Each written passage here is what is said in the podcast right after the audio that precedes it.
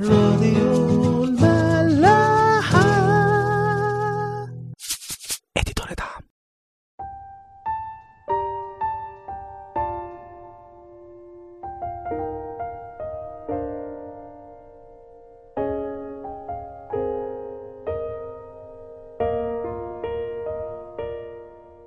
أهلا بيكم في حلقة جديدة من عيش وملح.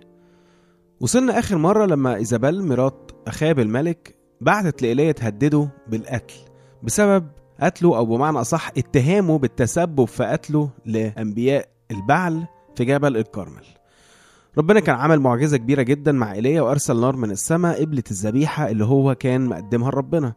وساعتها الشعب كله شاف كذب الأنبياء بتوع البعل واللي قعدوا يصلوا كتير للإله بتاعهم عشان يقبل ذبيحتهم بس طبعا بدون أي فايدة.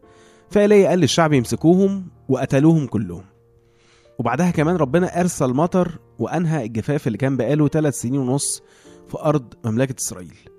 وزي ما اتكلمنا آخر مرة إن إيليا أكيد ساعتها كان متوقع إنه الشعب كله بقى هيآمن بربنا وأخاب هينزع كل مظاهر العبادات دي من مملكة إسرائيل.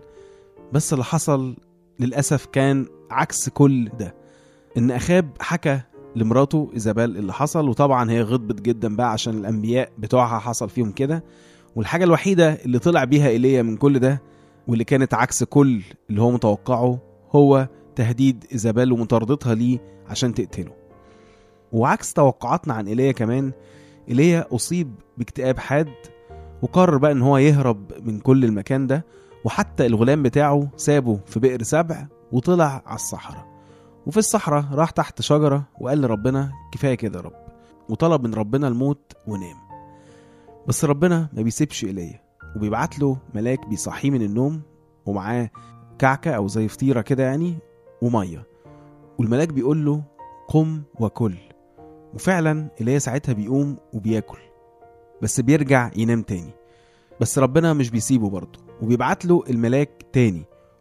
وساعتها بيقول له قوم وكل عشان هتمشي مسافة طويلة. وفعلا إيليا بيقوم وبياكل بس المرة دي مش بينام تاني إنما بيمشي على حس الأكلة دي يقول لنا 40 يوم و40 ليلة لحد ما بيوصل لجبل الله اللي هو حوريب. وبيدخل مغارة وبيبات فيها. هيحصل إيه بقى بعد كده؟ خلونا نكمل ونشوف. راديو الملاحة. سفر ملوك أول الصح 19 من أول عدد 10 أو من النص التاني لعدد 9 كمان. لأن إحنا ما قلناهوش كله آخر مرة. يقول لنا كده وكان كلام الرب إليه يقول ما لك ها هنا يا إيليا. فقال قد غرت غيرة للرب إله الجنود لأن بني إسرائيل قد تركوا عهدك ونقضوا مذابحك وقتلوا أنبياءك بالسيف فبقيت أنا وحدي وهم يطلبون نفسي ليأخذوها طبعا الحوار اللي دار ده رغم بساطته وهنلاقي إن ربنا مش متكلم فيه كتير هو الحقيقة قايل كلام بسيط قوي بس حتى كلام ربنا البسيط ده هنلاقي إنه وراه معاني كتيرة عميقة وتهمنا كلنا. ما لك ها هنا يا ايليا سؤال بسيط. ولو نفتكر حوار ربنا مع آدم بعد الخطية قال له كده أين أنت؟ وطبعا ساعتها ربنا مش ما كانش عارف هو فين بجد إنما كان بيقول له أنت مستخبي ليه؟ فكان قصده أنت فين مني؟ مع ايليا برضو نفس الكلام بيوجه له السؤال ده ما لك ها هنا يا إيليا؟ أو يعني أنت بتعمل إيه هنا يا إيليا؟ فكان ربنا قصده أنت ليه سبت مكانك؟ ليه سبت موقعك في الحرب أو أرض المعركة؟ بتعمل إيه هنا لوحدك؟ وبعيد عن كل الناس اللي أنا عايزك تساندهم وتساعدهم. بتعمل إيه وسايبهم للشيطان اللي عمال ينهش فيهم ده؟ المرة دي من المرات القليلة اللي مش هنقول إن الكلام ده هيمشي علينا كلنا. لأنه ربنا هنا بيقول له يا إيليا فتأكد بقى من حاجة إنه ربنا لو وجه لك السؤال ده أو أي سؤال تاني يعني هيكون ليك أنت بالذات وأنت بالذات اللي لازم تسمعه مش حد تاني هيسمعه لك. بس الحاجة بقى اللي لينا كلنا هنا وده اللي قلناه آخر مرة هو إننا أصلا في وقت الاكتئاب أو الزعل لازم نروح لربنا ونتكلم معاه مهما كان اللي بنقوله بس لازم نروح له هو لأن مفيش غيره اللي هيفهم إيه اللي جوايا. ولا هيقدر يشفيني من أي تعب أو أي مرض. ومفيش غيره اللي هيسألني أسئلة زي اللي سألها لكل اللي كانوا في الكتاب المقدس مش بس إيليا. آدم ربنا قال له أين أنت؟ وقال لقايين بعد كده أين هابيل أخوك؟ وإيليا زي ما بنشوف هو قال له مالك؟ ها هنا. في العهد الجديد هنلاقي ربنا سأل شاول اللي هو بقى بولس بعد كده وقال له شاول شاول لماذا تضطهدني؟ وحتى المسيح هنلاقيه بيسأل التلاميذ كده في مرقس 8 بيقول لهم من تقولون إني أنا؟ يعني سيبكم الناس بقى بتقول عليا إيه؟ إنما أنا إيه بالنسبة لكم أنتوا؟ أسئلة كتيرة ربنا بيسألها لينا وكل واحد فينا ليه سؤال مختلف عند ربنا. لكل واحد فينا وبس. والوحيد اللي هيسمع السؤال ده هو أنت برضه وبس. إدي دنيا طعم رد ايليا بقى بيبين قوي حاجة بنعملها كلنا وهي كلمة أصل.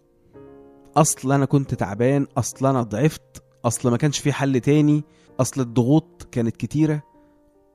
وبننسى دايما إن دايما هيكون في سبب للغلطة اللي إحنا عملناها أو للحالة اللي إحنا فيها. وبننسى برضو إنه ان مفيش حاجة مهما كانت تجبرنا على أي غلط. لأنه دايما ربنا بيدينا السلطان عليها هو وعدنا بكده كتير قوي.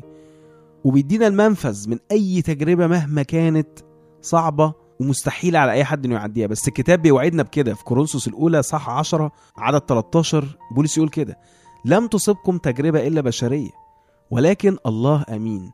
الذي لا يدعكم تجربون فوق ما تستطيعون بل سيجعل مع التجربة أيضا المنفذ لتستطيعوا أن تحتملوا.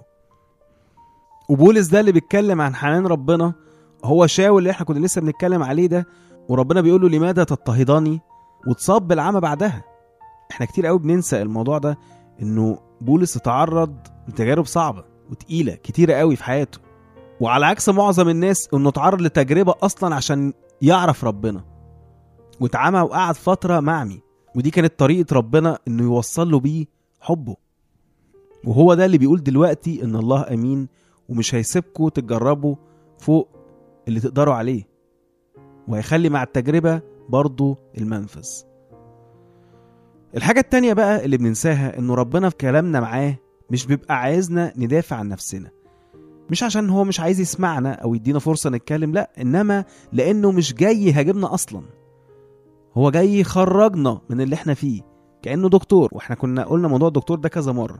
إزاي إن إحنا لو بصينا لربنا على أساس إن هو الدكتور بتاعنا الدنيا هتختلف معانا خالص. وهنا برضو وأنا رايح للدكتور مش بقول له أصل أنا حصل لي كذا وكذا وكان لازم أعمل كده وما كانش في حل تاني. أبسط حاجة هيقولها لي ساعتها أنا مش عايز أعرف كل ده. أنا عايز أعرف أنت حاسس بإيه دلوقتي؟ إيه مشكلتك؟ بتعاني من إيه؟ أنا مش جاي أهاجمك ولا عايز دفاعك عن نفسك. أنا جاي أساعدك. عشان كده المسيح بيقول الآية المعروفة في متى 9 12 لا يحتاج الأصحاء إلى طبيب بل المرضى. فهو قال كده عشان يفهمنا حاجتين. إنه طبيب أو دكتور مش قاضي هيدي حكمه هيمشي. فبالتالي هو مش عايز دفاعنا في أي حاجة. هو عايزنا نقول له على المرض بتاعنا ونديله الفرصة إن هو يشيله. الحاجة التانية بقى واللي هنستغربها شوية في الأول إن ربنا مش عايزنا نكون أصحاء. يعني إيه؟ يعني مش عايزنا ندافع عن روحنا ونبان أصحاء قدامه. ما هو إحنا كلنا مرضى. فهي المشكلة مش إنه فعلا في أصحاء.